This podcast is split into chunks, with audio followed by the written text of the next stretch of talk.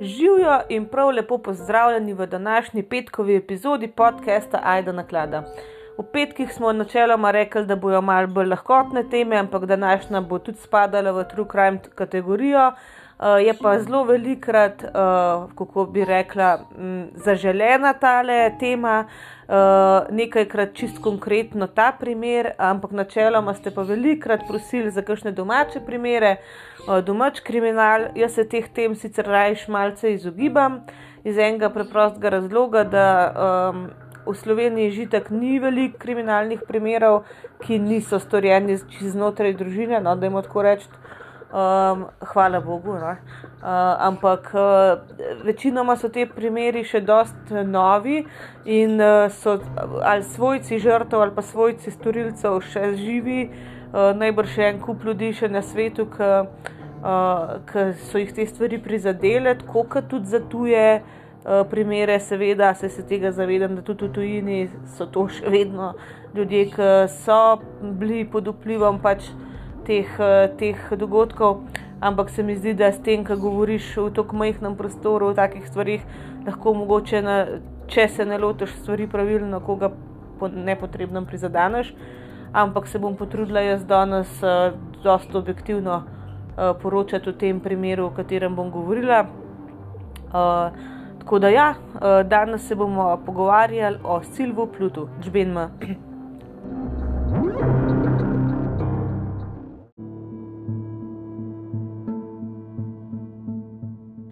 Bi pa na začetku vseeno samo odgovorila na nekaj vaših vprašanj uh, in sicer uh, dala sem vam možnost, da če vas v kakšnih primerih kaj konkretnega zanima, bi lahko naredili eno celo epizodo na ta način, ne, da jaz različne stvari mal uh, se jih dotaknem, pa mal povem svoje mnenje.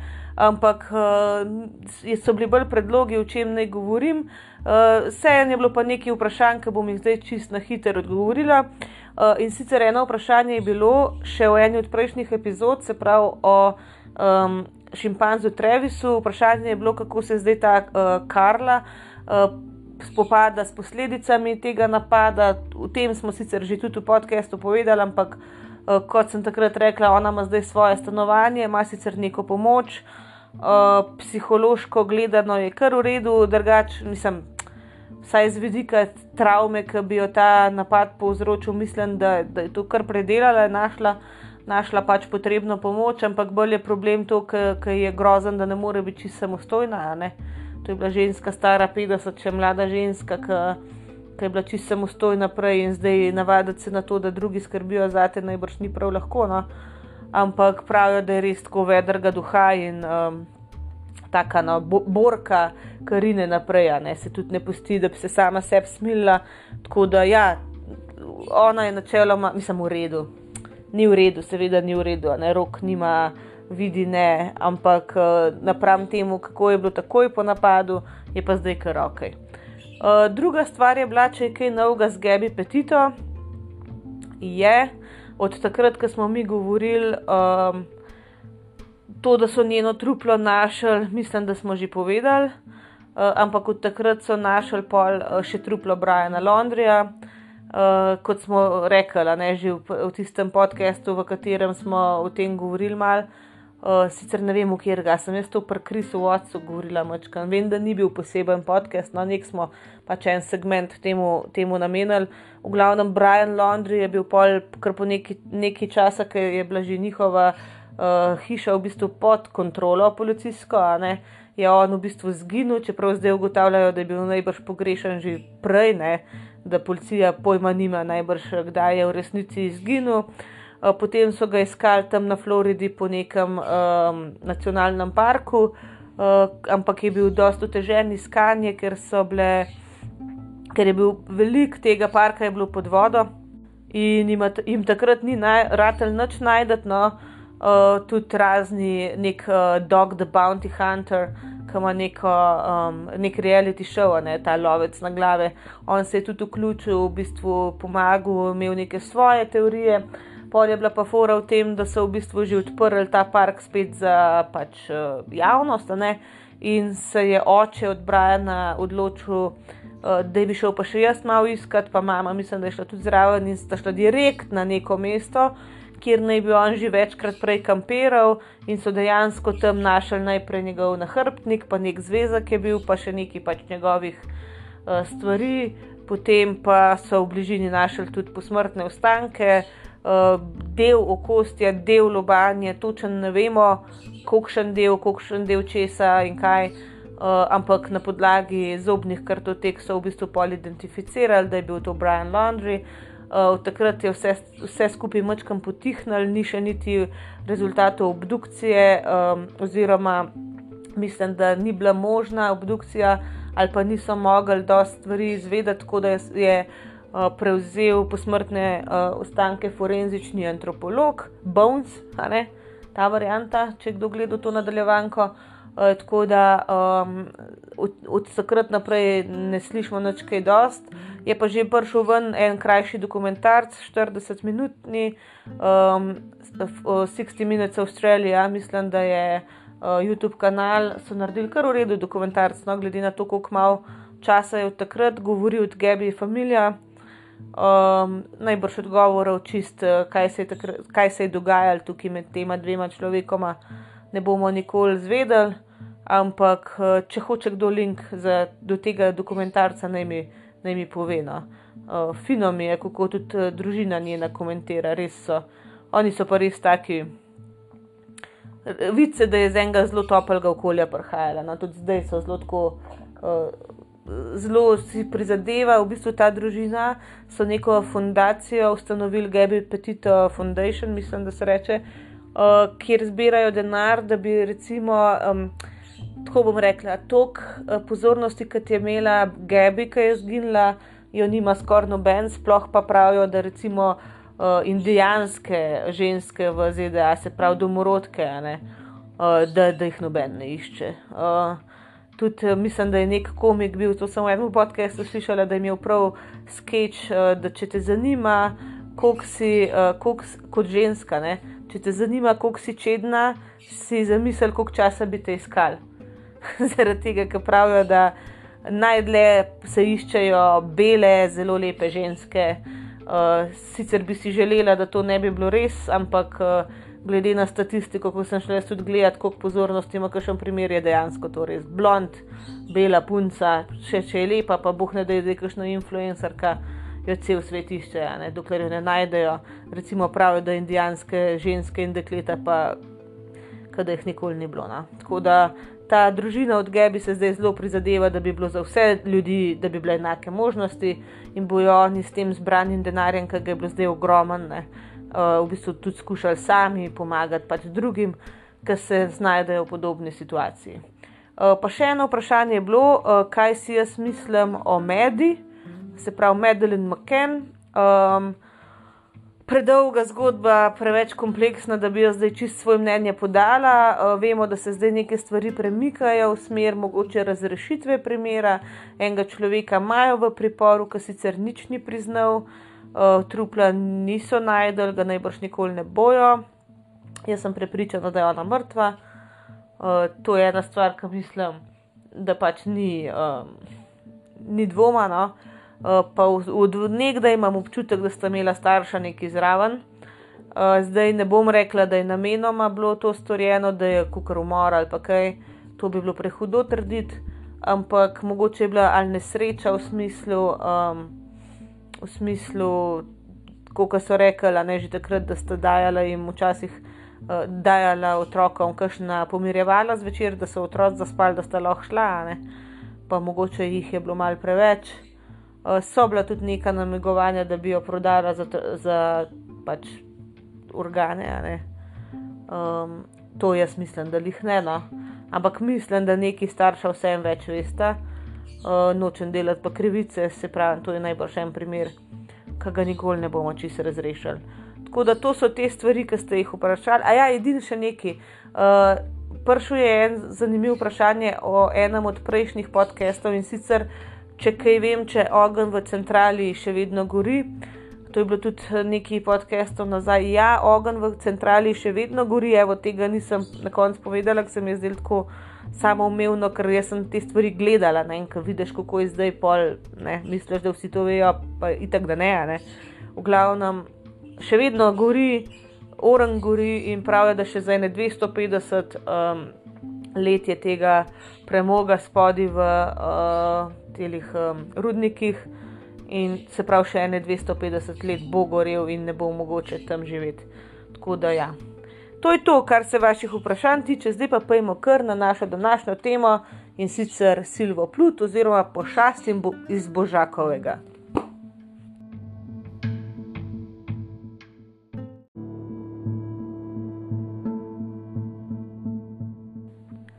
Silvo Plut se je rodil 29. maja 1968 v vasi Božakovo, zdaj tako, če se temu reče Božakovo, se upravičujem, eh, pojma nimam, kako se pravilno naglasi, ampak jaz bi rekla Božakovo. To je zelo blizu Metlike eh, in meji, v bistvu zelo blizu meje s Hrvaško. No. Eh, bil je drugi otrok Bernarde oziroma Nade Plut, rojena je bila Bajuk, In ona je že imela sina Antona, uh, ki je bil od Silvota starejši eno leto. Živeli so na posestvu Silvotove babice, um, se pravi mamine mame, uh, na naslovu Božakovo 32.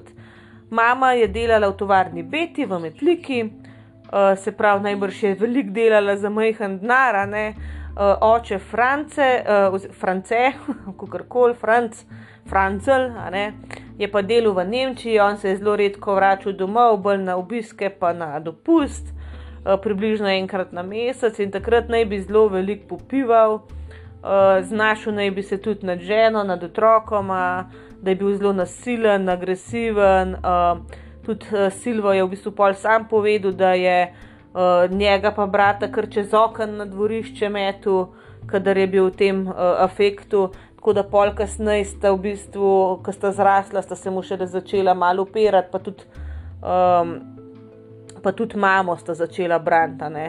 Uh, cela družina se je očeta brala, on je sicer finančno njih podpiral, uh, prinesel tudi kakšno igračo, ampak uh, ja, bilo je tako.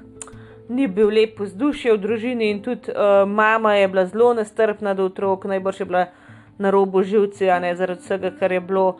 Uh, da je tudi fizično jih kaznovala, ju kaznovala. No?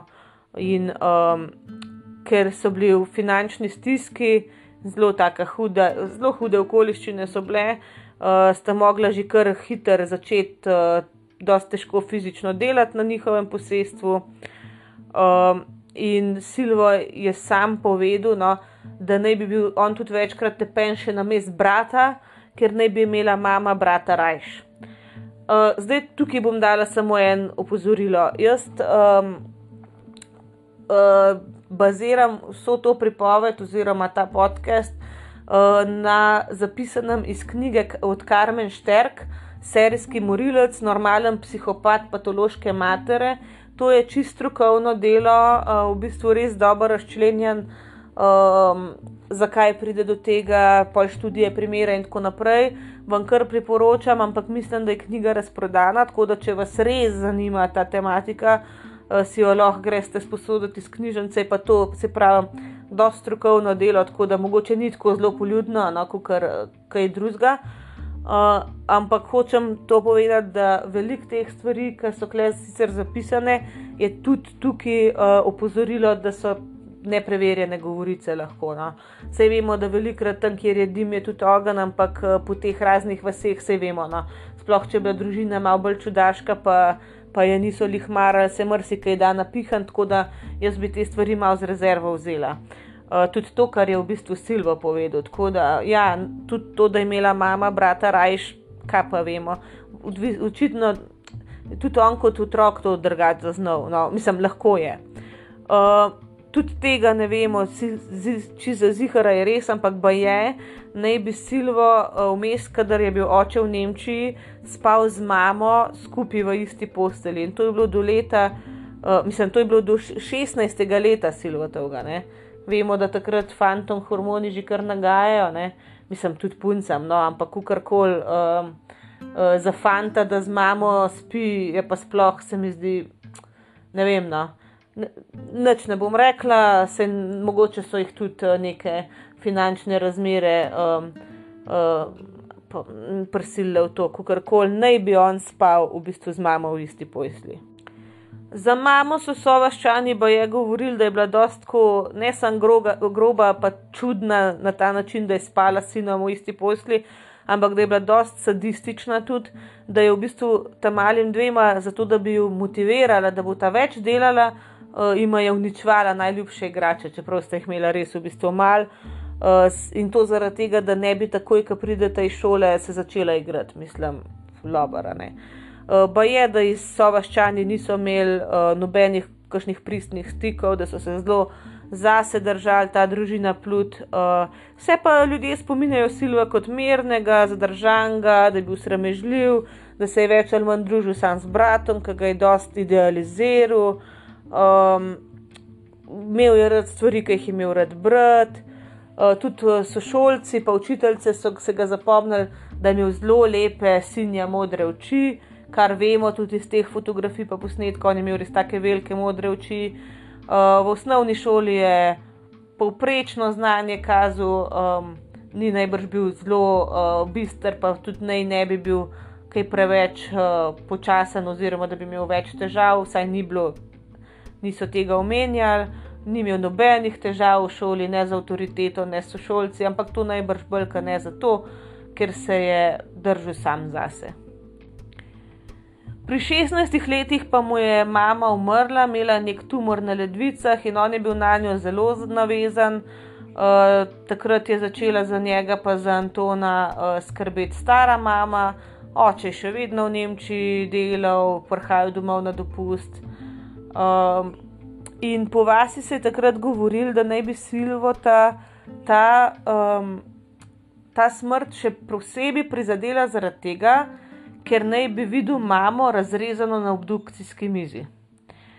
Um, to se zdi strokovnjakom malo neverjetno, ker pač do obdukcij, pa do mrtvašence tam, kjer so pač obdukcije, nimajo ne pooblaščene osebe.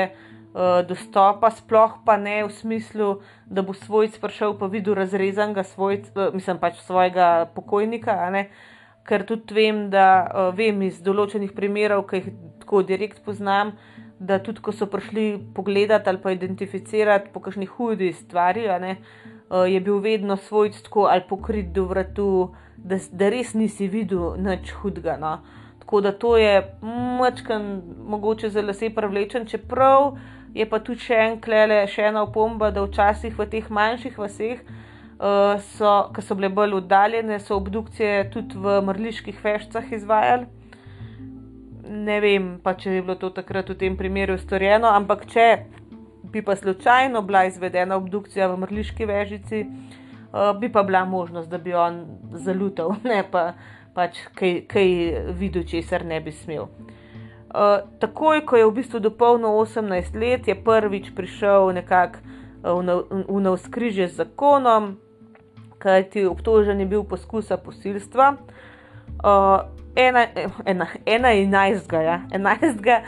septembra 1986 je namreč zvečer okrog 9. ure v Jurovskem brodu, uh, to je nedaleč od njegove vasi domače uh, se pelel domov s traktorjem in srečal nek mladoletnico, Marico P. Uh, traktor je ustavil uh, in plut je za Marico hodil približno uh, kakšen kilometr, uh, ji sledil, ne, pol je prišel v njej za hrbet, z eno roko je prijel za usta, jo potegnil z ceste, zrušil na tla. Uh, ko je bila na, nekako na kolenih, v klečečem položaju, se je ulegel na tla za njo uh, in ji začel odpenjati zadrgo na hlačah. Uh, ona se je upirala, upila je, ni jo izpustil. Uh, potem pa mu je Marica rekla: hej, da me izpusta, uh, sam za eno uro me pusti, da grem, ker ima mene upravke, uh, pol se bo pa dobila tam pri neki hiši uh, in ti bom dala. pač ona mu je rekla, da če mi dovoliš, da grem nekaj narediti, čez eno uro pridem, pa ti prostovoljno dam, ne, me ne raboš posiliti. In da bi zapečatila to svojo, um, kako bi rekel, svoj dogovor, ne, um, mu je tudi celo dala svojo majico. Um, On jo je spustil, pa je rekel, ampak če, če mi lažeš, ne, če te ne bo, te bom ubil. Marica je tekla proč, izgubila je čevlje po poti, um, plut je te čevlje pobral, se je usedel nazaj na traktor um, in je šel na to dogovorjeno mesto, tukaj se vidi najbrž, da ni jih uh, preveč bister, kljub vsemu bil, no, da je verjel to. Um, Tam je čakal kakšno uro na mestu uh, in je v bistvu videl, da pač dekleta ne bo nazaj, in uh, se je odpravil naprej proti domu, ampak že na poti ga je prestregla policija, odpeljali so ga v preiskovalni zapor v Karlovec. Uh, in je bilo ugotovljeno na sojenju, da je žrtev v bistvu čist neke manjše poškodbe utrpela, Silva se je pokesal, izgovarjal se je, da je bil pijan, in sodišče je ugotovilo, da nikoli prej ni bil kaznovan in da je v bistvu ne nevaren. Uh, obsodili so ga na pogojno kazen šestih mesecev, uh, potem pa so v bistvu tukaj dodali še mnenje uh, sodnega izvedenca, psihiatra Vjekoslava Mitrečiča, uh, ki je njega v bistvu pregledal in ga je spoznal za duševno zaostalo in emocionalno nezrelo osebo, ki je imela v času storjenega kaznivega dejanja bistveno zmanjšane sposobnosti razumevanja, dejanja in nadzora nad vedenjem. Se pravi, rahlo neprištevenega ali pa trenutno neprištevenega ga je spoznal in uh, zaradi tega so ga pol spustili. Um, ni bila pa to v bistvu njegova prva izkušnja s psihiatri, uh, kajti uh, že mama ga je prej leta 1977 peljala v psihiatrično ambulanto kar dvakrat. Uh, najbrž je imel kakšne težave in so tudi v bistvu ugotovili pri njemu uh, razvojne in vedenske motnje, to je bilo psi na psihiatriji v novem mestu. Uh, s psihološkim testiranjem so mu ugotovili po takratni definiciji sindrom minimalne cerebralne disfunkcije, to bi bila današnja hiperaktivnost ali pa ADHD, a ne zdaj poznamo bolj izraz. Um, pa uh, pol 31. oktobra po po tem usojanju, da je to isto psihiatrično ambulanto spet obiskal in tam so mu izmerili v bistvu IQ uh, do tem, to knjizek, da so ga um, označili. To so spet stari, stare definicije za mentalno inferiornega na ravni debilnosti. Zdaj ta debilnost je zdaj v tem času ima tak slabšalen prizvok, v bistvu bolj žaljivka, ampak po starem je bilo to v bistvu la, uh, lažja motnja v duševnem razvoju. Uh, zdaj, če vam dam primer, to so recimo lahko nekateri otroci z lažjo motnjo v duševnem razvoju še izdelajo recimo devetletko uh, normalno, ne z enakovrednim izobrazbenim standardom, pa s kakšno dodatno strokovno pomočjo, drugače bi pa jaz to rekel, da iz uh, lažjo motnjo so ponavadi že kar na nižjem izobrazbenem standardu. To je tam nekako 50 do 70 uh, IQ, ne kar nizek. No. Ni, pa, ni pa to do te mere uh, motno v duševnem razvoju, da recimo ne bi bil sposoben zase skrbeti pa uh, nadzorovati svojih dejanj. Je pa, je pa neka okoliščina, ki jo je pač treba omeniti.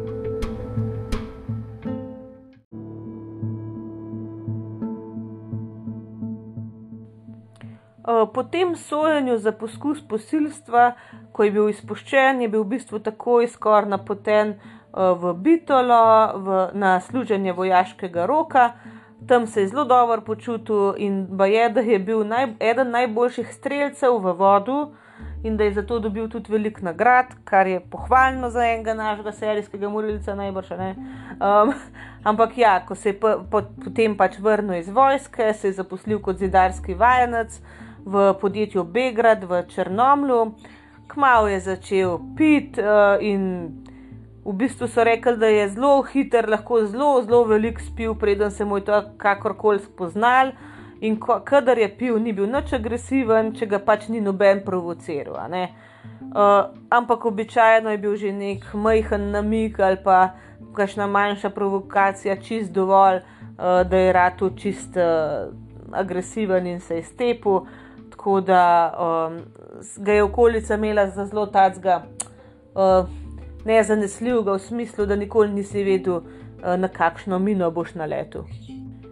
No, in uh, doma sta, brat, uh, sta ga brat in babica, če dalje več v bistvu sekirala, ne, um, da vse čas samo pije, pa zapravlja denar.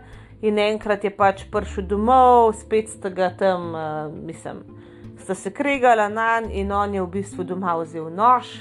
In ko je šel iz hiše, je opazil parkiran avto, so vaščanke in sošolke, Marjance Matjašič. Uh, ki se je v bistvu okrog pol desetih zvečer odpravila na delo, uh, delala pa v menzi tovarne Beti, se pravi ta ista Beti, kjer je prej delala mama od Silva. Uh, počakal jo je na koncu vasi, uh, jo ustavil in se uh, usedel k njej. Uh, nekaj kilometrov naprej, pri vasi ro, uh, Rosal, Rosalnice, sta pa avto pustila ob cesti in je plut Marjanco v bistvu z grožnjo, z nožem, uh, nagnal prek travnikov in ji je ukazal, naj se sleče. Uh, ona se je slekla, je pač obogala uh, in on je hotel imeti z njo spolni odnos, ampak imel težavo, ne, tukaj pač ni imel erekcije in, um, in ni mogel imeti spolnega odnosa. In ko je v bistvu se mu že drugič ponesrečilo posilstvo, je. Um, uh, v bistvu začel na drugačen način zadovoljevati nekakšne svoje spolne uh, potrebe, in je Matjašičevo uh, z udarcem pobil na tla. Začel jo je besno zbadati z nožem v trebuh in v prsi, večkrat v pred, predel spolovil, naj bi prerezal obe dojki. Um, porezal vrat, obe noge, sploh v področju kolč, kolčnega sklepa oziroma kolkov. V bistvu je zdravnik naštel 32 obodov.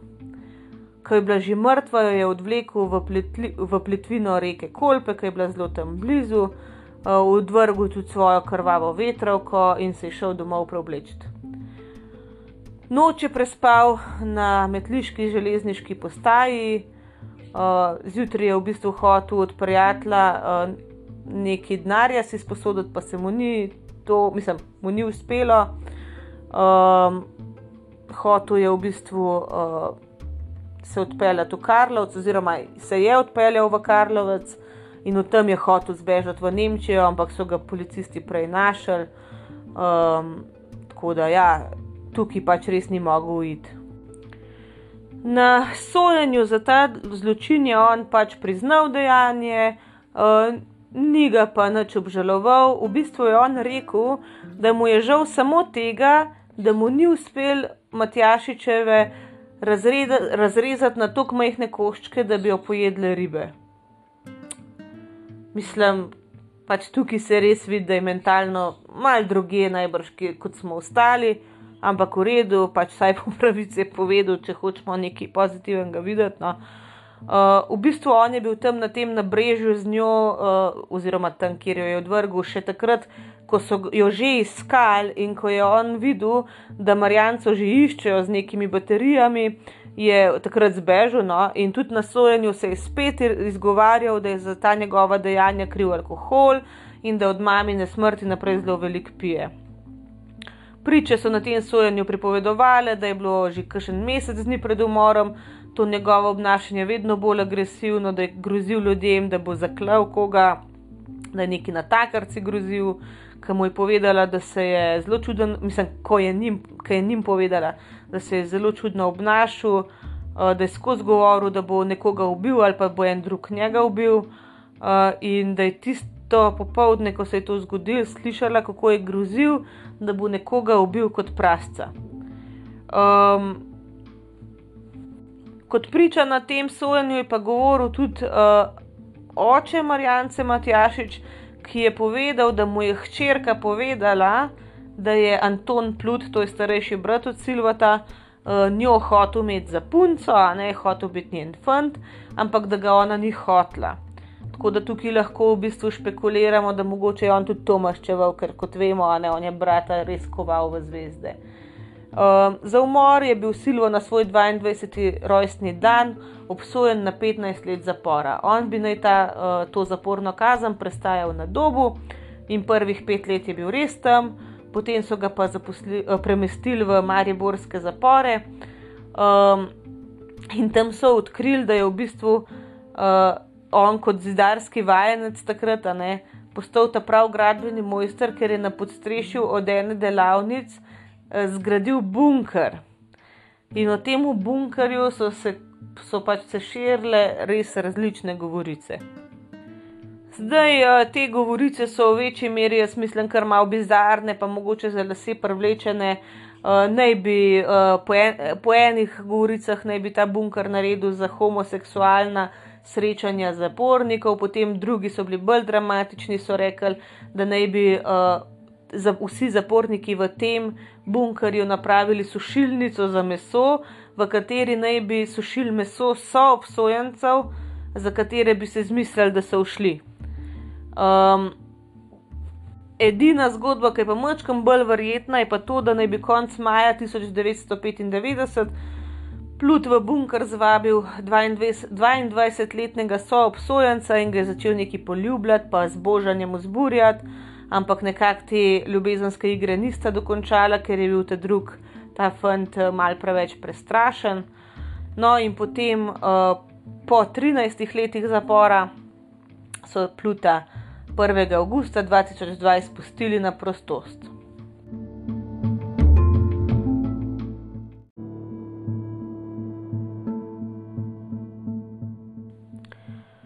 Po izpustitvi na prostost je on takoj nadaljeval s kriminalnimi dejanji, uh, začel je z nekimi um, ropi, uh, pa tatvinami in med drugim je Evropa tudi trgovino spina v Moravčah, za tiste iz mojega konca uh, ki poslušate, zanimiv. Ne? Uh, in um,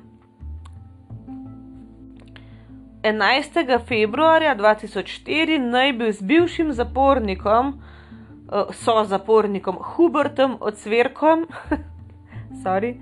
Uh, oropal pošto v Povhovem gradcu. To je kar pomemben dogodek. Uh, boste pa izvedeli, zakaj. V bistvu, zdaj, zdaj takoj boste izvedeli. Ker po tem dogodku no, um, je on pobegnil v Srbijo, v Aleksinac, kjer je bil še en njegov bivši so, sojetnik, Srdžan Živkovič, uh, pa nek njegov prijatelj Ljubiša Stankovič. Uh, še prej se je v bistvu prvič, odkar je bil zaprt zaradi umora uh, Marjance Matjašič, oglasil pri bratu Antonu v Božakovem. Zahteval je tisoč evrov za kos neke zemlje, ki jo je podedoval, Anton mu je ta denar dal in rekel, zdaj pa zgine iz hiše, ga je napodil. In uh, 18. novembra 2004 ob 9. zvečer, to se je dogajalo zdaj v Srbiji, ne, uh, je 25-letna Aleksinčanka Jasmina Džošič šla peš uh, od doma v 2 km oddaljeno službo. Tako kot Matjašičevo je tudi Džošičevo plut pričakal na poti v trgovino, kjer je bila zaposlena, od tam jo je tudi bežno poznal in jo je enako z udarcem pobil na tla, uh, jo začel rezati in zbadati z nožem. Večkrat je prerezal vrat um, in jo zabadal tudi druge, povsod po telesu, ampak največkrat uh, je bila pa zabodena v predel trebuha, kaj ti bila je noseča. Um, ta mržnja nekako do nosečnosti, ne vemo, zaradi česa je bila v Silvu, ampak tudi za Marijanco Matjašič se naj bi govorili, da je bila noseča. To ni dokazano, no, to so spet tiste govorice vaške in naj bi tudi njej uh, zaradi tega tok razrezal trebuh, ker bi hotel uh, izrezati v bistvu uh, zarodek, in enako pri Jasmini Džošič, uh, kva je bilo res, pa kaj ne, ne vemo, ampak dejstvo je, da je največkrat je bila pa zabodena v trebuh in v trebuh je plut tudi urezu črko X. Uh, na stegnih uh, so v bistvu našli urezano črko U. In na, truplih, na truplu so našli tudi sledove plutovih ugrizov. Jasmini naj bi z zubmi trgal uh, koščke mesa stran. Tako res uh, grozno. Izrezal ji je govtanec, se pravi grlo, a ne je izrezal in tega niso nikoli najdel. So pa lokalni mediji poročali, da je bila Jasmina tako razmesarjena, da so v bistvu te ljudje, ki so jo našli, bruhali tam od groze. In da tudi kriminalist, eh, ki je v bistvu prišel gledati, ki je vse možen navajen, je bil čist presunjen in da je rekel, da to, kar je tam videl, ni bilo videti kot, kot človek, eh, da je bilo v bistvu videti kot neka gmota mesa.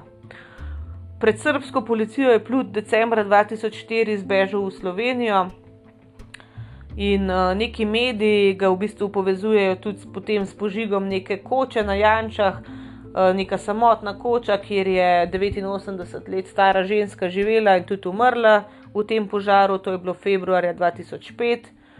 Um, in to je bilo samo nekaj dni, preden je slovenska policija Pluta areterala na podlagi tiralice za rob pošte v Povhovem Gracu. Um, to je ta, uh, ta pošta, ki ste jo z Lucverkom skupaj v bistvu uropala.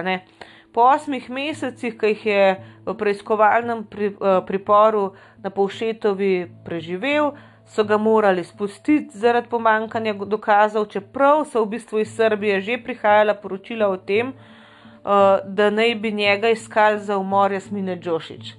Uh, to je v bistvu, uh, kako bi rekel človek, ena od tistih stvari, ki se še, ve, še vedno, no, ki se do danes učitajo policiji oziroma pač preiskovalnim organom, zakaj so njega izpustili, na drugi strani je bil pa pač v Srbiji iskan za tako grozovit umor. Ne? Da če bi oni takrat se s Srbi povezali, uh, pa skupaj stopili, najbrž potem do naslednje grozovitosti ne bi prišlo. Ampak tukaj je zelo težko biti pameten, tudi tožilstvo je reklo, da v bistvu oni niso dobili še nobene.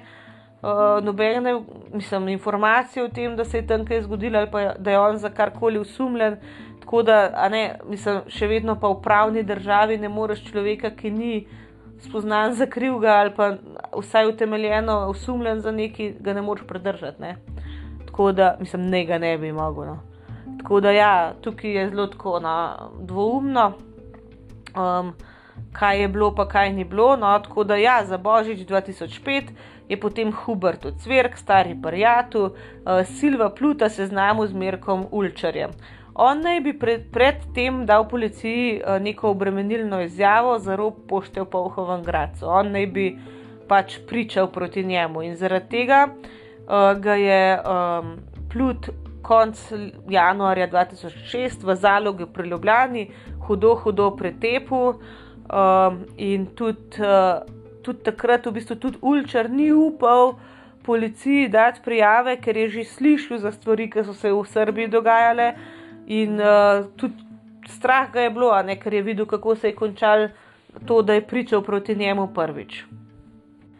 Plut je pa Ulčarju med drugim očital tudi to, da je zaradi njega, pa zaradi njegovega pričanja, mogel jeti, moral jeti v uh, Srbijo in najbrž si je pri sebi tudi mislil, da je najbrž posredno Ulčar kriv, da je on ubil Jasmino Džošič, čeprav on njenega umora ni nikoli priznal.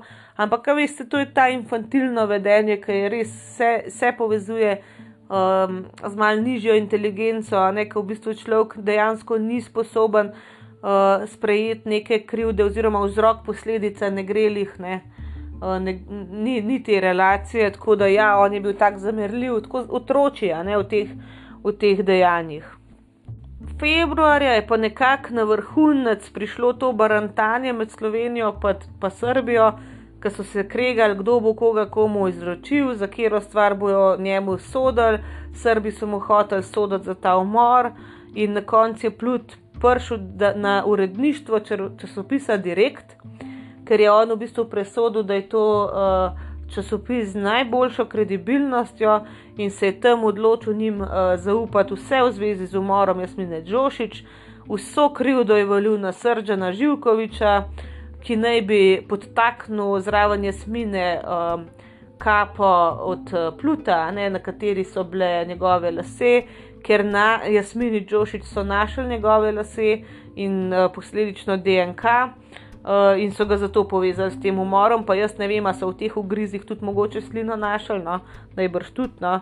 Um, tako da ja, on je spet uh, valil krivdo na vse ostale ljudi. Uh, in tudi uh, uh, napletel neko zgodbo, kdo stoji v zadju tega vsega postopka proti njemu in da, v zadje, v Sloven, da je v zadje v slovenski policiji. Uh, in da ga je strah, da bi ga nekega dne vzela noč. Ne? On je mislil, da se je policija zarotila proti njemu in da ga hoče pospraviti. Jaz so ga hoteli, ne, mislim, ne pospraviti, strpati v zapor, ampak čisto pravičeno.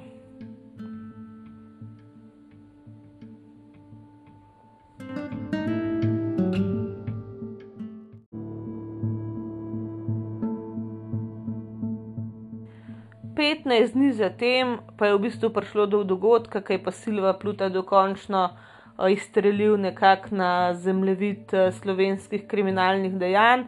In sicer je 24. marca 2006 na Dolgem Brdu pri Jančah po noči vdrl v hišo Mirka Ulčara in njegove žene Ljubice, ki jo ni bila doma. Po peti uri zjutraj sta se vendarle vrnila, ne? Mislim, da sta peljala ali ga sina ali mamo ali kukorkoli na vlak in ko sta prišla domov, um, zjutraj po peti uri, je on v bistvu ni jo čakal, v eni roki je imel nož, v drugi roki je imel sekiro. Uh, in ba je, da je rekel, kaj mislite, da vaju bom tako dolgo časa čakal, in zaprl vhodna vrata za njima, jo v bistvu stisnil v kot. Uh, poročala sta, oziroma on, ne, Mirko Ulčar je pol poročal, da sta čist zmrznila. No. Eh, da nista se mogla niti premakniti od strahu, ker sta ga tudi poznala, ker sta vedela, kakšnih stvari je on sposoben. Eh, vaščani so sicer pa je komentirali, da je čuden, da se, da, da se je Ulčar kratko predal, da on je njega fizično, sigurno bi ga lahko nadvladal, ker je bil močen moški, ampak se vemo, strah dela svoje, tako da meni se to nekaj čudenega ne zdi. No. Uh, Uh, Porinil jo je v dnevno sobo in jo v bistvu z udarci pobil na tla, uh, oba je zvezal. Um, začel je Mirko Ulčarju učitati, da je kriv, da je moral iti v Srbijo in da je zaradi njega v bistvu preganjan, spet, vidite, spet valitev krivde na druge ljudi, in da bo zdaj Ulčar za to plačal. Uh, poudaril je, da v bistvu on nima nič več zgubiti, In uh, obrnil se je k ljubici in ji rekel, da če ve, kaj se je zgodilo v Srbiji, in da bo tudi njej to naredil. Vzel je električen strojček za striženje las in uh, je ljubici pač nekaj počel, tukaj zdaj Mirko Ulčer tega ni videl, rekel je, ne, da noge narazen. In uh, Mirko Ulčer, ki jim je v glavo pokrito, uh, je bil prepričan, da ljubico posiljuje. Uh, naj bi začel pol neki z nožem početi ljubici, spraševal jo je, ama kaj mesa ali je to samo špeh. To je zdaj dobesedno pričanje Mirka Ulčarja, ker um, on se, kot smo rekli, on je bil zvezan in pokrit čez glavo, tako da on je samo slišal, ni videl, kaj se je pač dogajalo. Uh, slišal je tudi krike svoje žene, In pa je, da je vse čas plut, ko je to počel, govoril, zdaj boš videla svojega Boga, pa boš že, že še videla, kaj bo, zdaj se je šele začel. Potem je plut uh, ljubico odnesel ali pa odvlekel v kopalnico, um, njeni glasovi so bili zmer šipkejši, na koncu je čisto tihnila. In v bistvu v tem času, ko ni bil plut v, isti, uh, v istem prostoru, je Ulčarju uspel, da si je uh, odvezal roke pol še noge in pošel v vežo in opazil pluta, ki je prihajal iz kopalnice in je govoril, zdaj spati na vrsti. Mirko Ulčer je uspel zbežati k sosedom, bil je tukaj problem sicer, da to je bila zelo samotna uh, hiša, ne? ni bilo zelo blizu uh, do sosedov pridati, sneg je padel uh, in mislim, da je celo bo stekel Mirko Ulčer k sosedom in uh, jim povedal, da mu nekdo kolje ženo, klical je potem na 113, pač policijo. In ko je skupaj s sosedi prišel nazaj v hišo, pluta ni bilo več.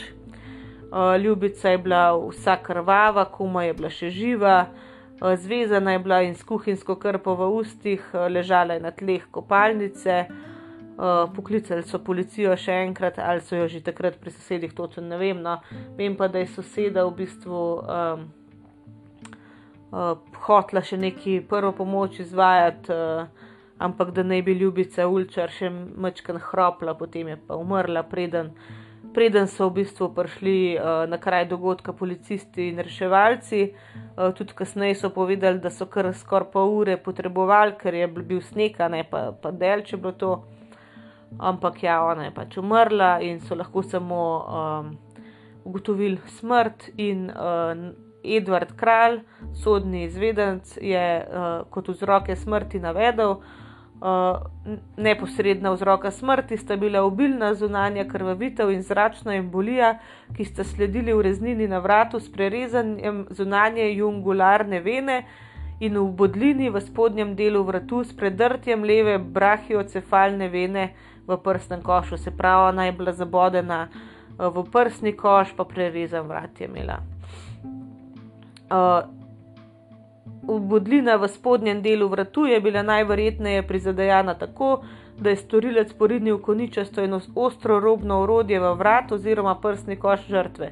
Storilec se je nahajal više od žrtve, jo prijel za lase, potegnil glavo nazaj in s tem izpostavil del žrtvenega vratu ter zabodel v globino prsnega koša. Uh, eh, Boje, da je imela tudi druge uh, rane na telesu, da je bila porezana po prsnem košu, po spodnjem in zgornjem delu trebuha in spolovilih, po katerih pa je Silvo plut ljubico pred napadom tudi pobril. Mislim pač, to je bilo res tako sadistično dejanje, to je res kaj iz ene grozljivke. No. Pravijo, da je v bistvu s tem, ko je tokrat zabodel te osebe, te ženske, no, nekako svoj spolni nagon izživljal, ker očitno je imel neke težave z erekcijo in, uh, in drugačni mogel. On, če ni mogel posiliti, je pa pač špikal, zabadal in na tak način se je življal. Uh, Plut je se prav peš zbežal in po več urah iskanja, uh, je, pa pa tudi v številnih klicih, ki so pač sporočali, kje so ga videli, so ga v jutranjih urah izsledili in so ga uh, uh, namestili v preiskovalni zapor. In 27. junija 2006 se je začelo njemu to sojenje za umor in za poskus umora. Dodeljen mu je bil pač odvetnik Pluto Andrej Žabjek, to smo se z Matejem včeraj pogovarjali. Um, v bistvu mislim, da sploh ne moreš zavrniti, če si ti dodeljen nekomu kot, kot odvetnik. Dajte, če je kdo tukaj pravnik, a ti lahko kot z ugovorom vesti zavrneš da ne boš uh, z nekom delal. No? Ker pač delati uh, s takim človekom, ki veš, da je kriv. Jaz mislim, da ta človek je imel grozno težko nalogo njega braniti v narekovajih, no, čeprav se tukaj v obrambi sploh ni, tukaj ni bil namen obrambe, dokazal, da je nedolžen, ker si tako vedel, da ni. Ampak njegova naloga je bila blazno težka. No. Uh, vem, mislim, vem, da v Ameriki je tako, da ko ti dodelijo, mislim, dodelijo ti odvetnika in mislim, da odvetnik nima pravice reči ne. No? Ker pač vsak ima pravico do odvetnika, pa do pravne zaščite nekako. Ampak ne vem, no. to je ful težka naloga, res. In um, se pravim, sploh ni imel, ni imel no, nobene šanse, da bi bil oproščen, res priča je preživela, uh, hiša je bila polna bioloških sledi, uh, nož so najdel. Uh, ki je bil morilsko orožje, pol je že prej moril plut in zelo podoben.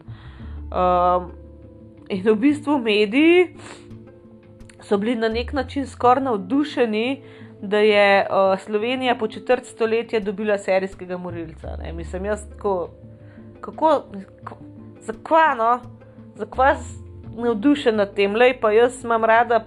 Crime, ne rada true crime, me zanima true crime, ampak pismo, jaz upam, da ga nikoli več ne bo. No. ne pa, da, ampak ok, ne, se mediji nekaj morajo pisati, pa poročati. Um, tako da ja.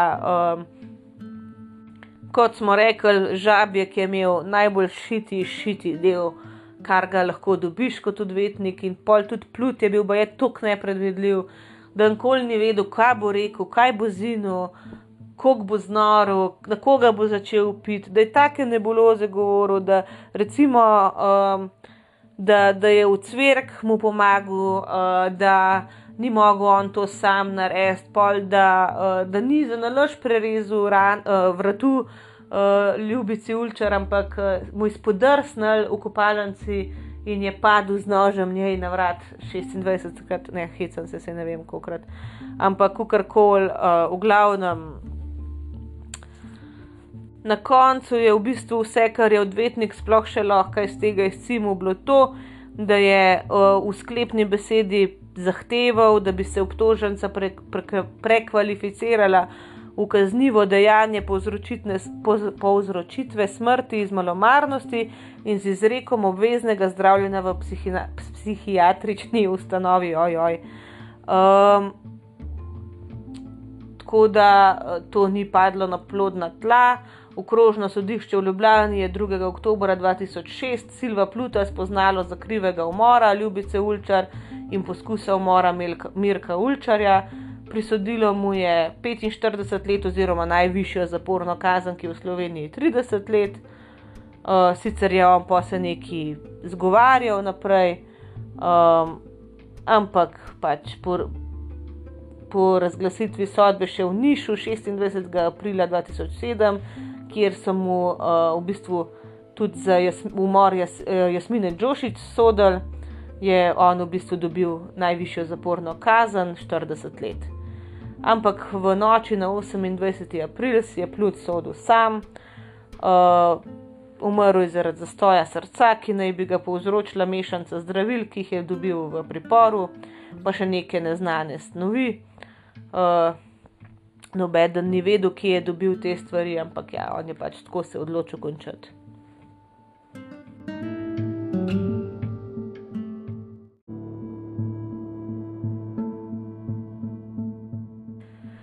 Večina ljudi se najbolj sprašuje, zakaj naj bi plut te stvari uh, delal, in uh, spet kot pri ogromno serijskih morilcih, um, nas privede najbrž razmišljanje hitro do mame, pa do spolnosti. Uh, ta um, profesor Lokar, no, ki je psihiatrično evalvacijo pri plutu delal, ko je bil star 22 let je takrat zapisal, da do takrat plut ni imel ustreznih čustvenih izkušenj in nobenih seksualnih izkušenj z ženskami, da se je v odnosu do žensk pojavljala zadrega in tesnobnost, se v bistvu stik, zaradi katere se je stikal ženskami izogibal.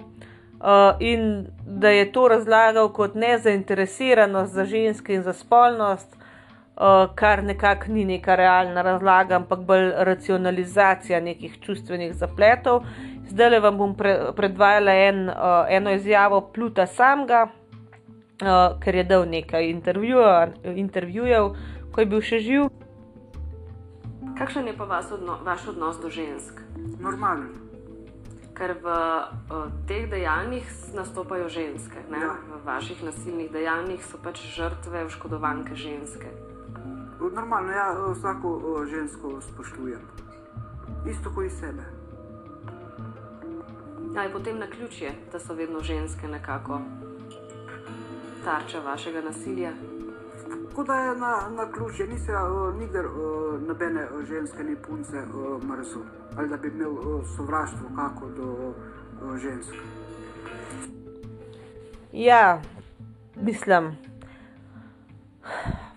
pač vse vidite, zelo tako površno je odgovoril, zelo preprosto.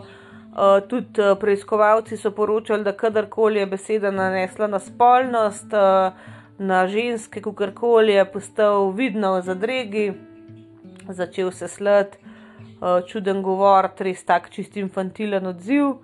Je pa zanimivo, da ga je v zaporu začela obiskovati tudi neka prijateljica Nataša. Um, zdaj marsikatera govorica o njej se širi, ona je bila v bistvu tudi edina, razen Friškovca, tega uh, zaporniškega duhovnika uh, na njegovem pogrebu. Um, govorili se je, da naj bi ona dva bila zaljubljena, naj bi bila par, da se hotla poročiti, ampak to ni nič potrjeno. Ona mislim, da niti nobenih izjav ni dala okrog tega, da je samo povedala, da kukar uh, ona ga drugače pozna kot ostali v smislu uh, odprej in pač da je bila bolj ne sam za podporo. Um, jaz tukaj nje ne bom preveč obsojala, ker ne poznamo njene zgodbe, za, za njo res vemo samo ime in njen obraz, ker so jo fotografirali tam na pogrebu, ampak um, nič ne bom rekla. No. Um, lahko je bila dejansko samo kakšna prijateljica, ker jaz res tudi ne vem, kje so meje tega prijateljstva, v smislu, da, um, da pač podpiraš človeka, ne podpiraš, da mu daješ čustveno podporo do konca, čeprav ne podpiraš njegovih dejanj. No. Uh, mogoče je tudi to možno, uh, najbrž je, tako da jaz ne bom tukaj sodila, ampak ja, dejansko ta prijateljica je bila z njim do konca in tudi ob samem koncu. Potem so pa tudi številni izvedenci v bistvu ugotovili, da um, on, že itek smo rekli, IQ je bil uh, dost nizek, um, niso dokazali, da bi ga v bistvu uh, moški spolno privlačili, to, kar so vmes neki napletali, mogoče tisto zaporu, pustimo to. No, ampak uh, v bistvu dojeli so nekako ugotovili, da je ta vse njegov odnos do žensk izhaja iz tega primarnega odnosa uh, moški-ženska v njegovem življenju, se pravi odnosa do matere, uh, ki je bilo zelo tako, no, nič ni bil ljubeč, v bistvu je, bil je zelo družinsko in socialno zanemarjen in zaradi tega tudi njegov čustven razvoj ni bil ustrezen. Uh, imel je neko čustveno praznino uh, in ni imel občutka za uh, z empatijo. No, sploh ni imel empatije, kar je zelo značilen za serijske morilce. Um, je pa tudi res, da sta bila in mati in oče izrazito negativni figuri v njegovem življenju, od nobenega ni dobil občutka varnosti, uh, pa ljubezni. Tudi to, da je tudi mama ga v bistvu pretepala, bila agresivna do njega, da ga je pretepala več kot njegovega brata uh, mu uničvala igrače, v bistvu ni nič dobrega bilo no, za, za naprej, za njegovo življenje. Uh, potem tudi to rivalstvo do brata Antona, rivalstvo do svojega očeta, pa je, da je recimo tudi potem, ko je uh, oče se v novič poročil. Uh, Silvo Plut nekoč pijan govoril, da bo šel pa posilil svojo mačeho.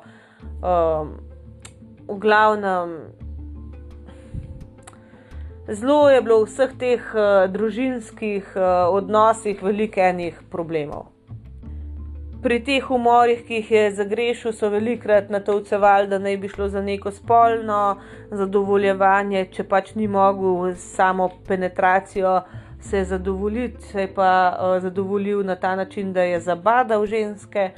Uh, to je velikrat drugače prisotno, to sploh ni nič taz, mislim, da je taz, ga nič novega med serijskimi morilci. Uh, ampak pravijo, da v bistvu ne bi bilo to bolj na nek način neko otročje maščevanje no, do mame oziroma do vseh žensk, ker uh, sicer je trdil, da je pred umorom uh, Matjašičeve v bistvu um, imel neko resno punco, ampak nikjer je niso najdel, neki niso podatkov o tem dobili.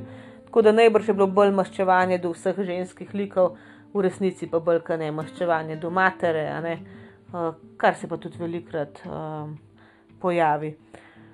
Zdaj, pluta tukaj ni več, da bi ga v bistvu lahko vprašali, kako in zakaj je to bilo. Um, tudi izredno mal, v bistvu, um, izredno mal uh, iz, izvedencev, sploh psihologov, psihiatrov, je z njim delal, uh, kar je zelo zanimivo, ker ta drugi serijski morilc slovenski, se pravi Metod Trobac, ne, on je imel, mislim, da 12 večjih uh, pregled, mislim, pregledov, obravnav, da so res naredili neko sliko njegovo, uh, medtem ko plut je imel v bistvu samo to, kar je ga mama pelala, pa pol, a ne po tem poskusu posilstva, pa še enega kasneje, nič kaj dost. No, sploh pol zdaj po ulčarjevih, uh, mislim, da ne. Tako da to je kar zanimivo, da se niso za to odločili. Pa tudi kasneje, najbrž, če ne bi se si vzel življenja, se po moje tudi ne bi. No. Eh, to se ponavadi pred sojenjem, pa med njim naredi. Uh, tako da, ja, evo, drugi slovenski serijski morilec. Uh, mogoče samo uh, definicija, kaj sploh je serijski morilec. Uh, serijski morilec je nekdo, ki ubije tri osebe ali več v nekem časovnem obdobju. Ne? Tukaj je velikrat, joj, meni gre to tako na živce v kakšnih dokumentarcih ali pa v kakšnih filmih, ki mešajo množični morilec pa serijski morilec serijski morilec mogoče bolj povemo še z drugim uh, angliškim izrazem, izrazom, ki je za, za ta tip morilca sequence killer, se pravi v sekvencah ubija. Lahko je tudi več ljudi naenkrat, ampak recimo danes enega, čez deset let enega ali pa čez dva dni enega. Tako, Pač več ljudi ubije v daljšem časovnem obdobju, medtem ko množični morilec je pa recimo uh, Breivik. Breivik, ki je v unem bombnem napadu, pa isti dan uh, na otoku Toja ubil tok in tok ljudi. Tako pač to je razlika. Pač serijski morilec mori v daljšem časovnem obdobju, ampak najmanj tri osebe, tri osebe ali več. Če ubije tri osebe ali več, pač je smatran za serijskega morilca. In uh, Silvo Plut je zaenkrat eden od dveh uh, obsojenih, da jim rečem, uh, slovenskih serijskih morilcev.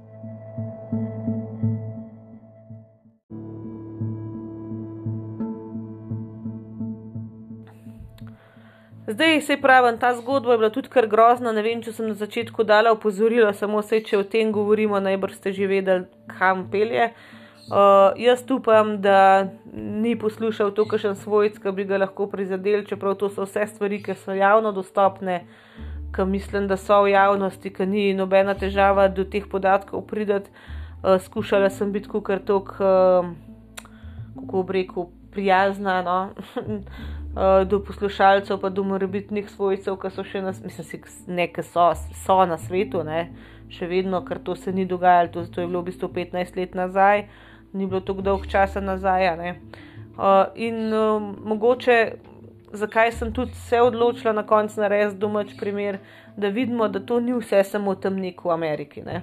Pač tudi pri nas so te stvari možne, hvala Bogu, jih ni veliko, ker Slovenci smo taki, da mi se rajš pobijamo v družini, ne, kar je grozen po svoje. Ker pogledajte, kar je teh umorov v zadnjem času, sploh kakšnih malj bolj znanih, je bilo vse partnersko ali pa družinsko nasilje, mislim, obupno, mislim.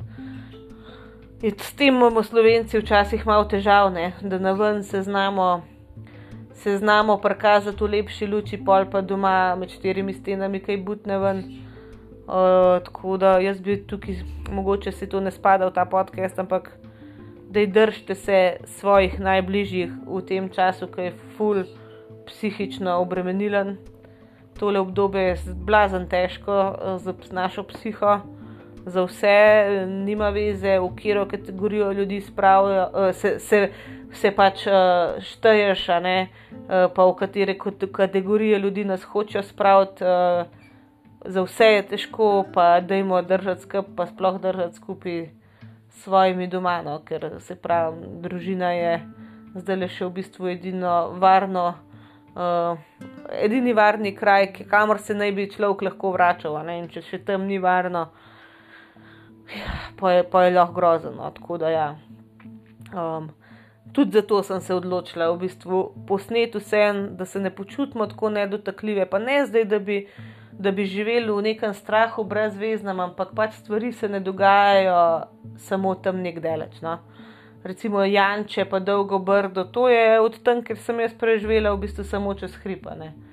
Tako da, um, ja, ne, pač čudni ljudje, nevarni ljudje živijo povsod, ni zdaj to razlog, da bi se so ljudi bal, ampak mogoče je fino poslušati stvari, ki jih tudi ljudje govorijo. Ne? Ker kot smo slišali, plut se zelo rad uh, hvali v raznih gostilnah, nakladu o tem, a oh, nakladu, ha, hashtag, uh, nakladu o tem, kaj vse je že naredil, kaj bo komu naredil, grozil, kaj bo naredil. Pa vsi poznamo kakšnega tašnega človeka, ki ne vem, nabija, da bo svojo mamo zažgal, naprimer. Um, to smo mi, uh, jaz sem to že kar parkrat slišala od kakšnega človeka. Um, pa se malo smejiš, pa misliš, kaj čudaka, ne? kako se počutiš, če bi enkrat zvedel, da je res, a ne pa nismo nikoli nič naredili. Tako da se ne rečem, da je treba vsako stvar prijaviti, ampak pozorni pa le biti. To je bilo za današnjo epizodo to, uh, upam, da vam je bilo všeč kot vam je lahko pač bila. Um, nimam namena za enkrat še posneti tropca, ampak če boste pa rekli, da vas zanima, pa mogoče tudi ta epizoda pride. Slišmo se naslednji teden, v sredo, eh, lepo se imejte, um, varni boste, zdravi boste, pa se poslušamo. Čau, čau!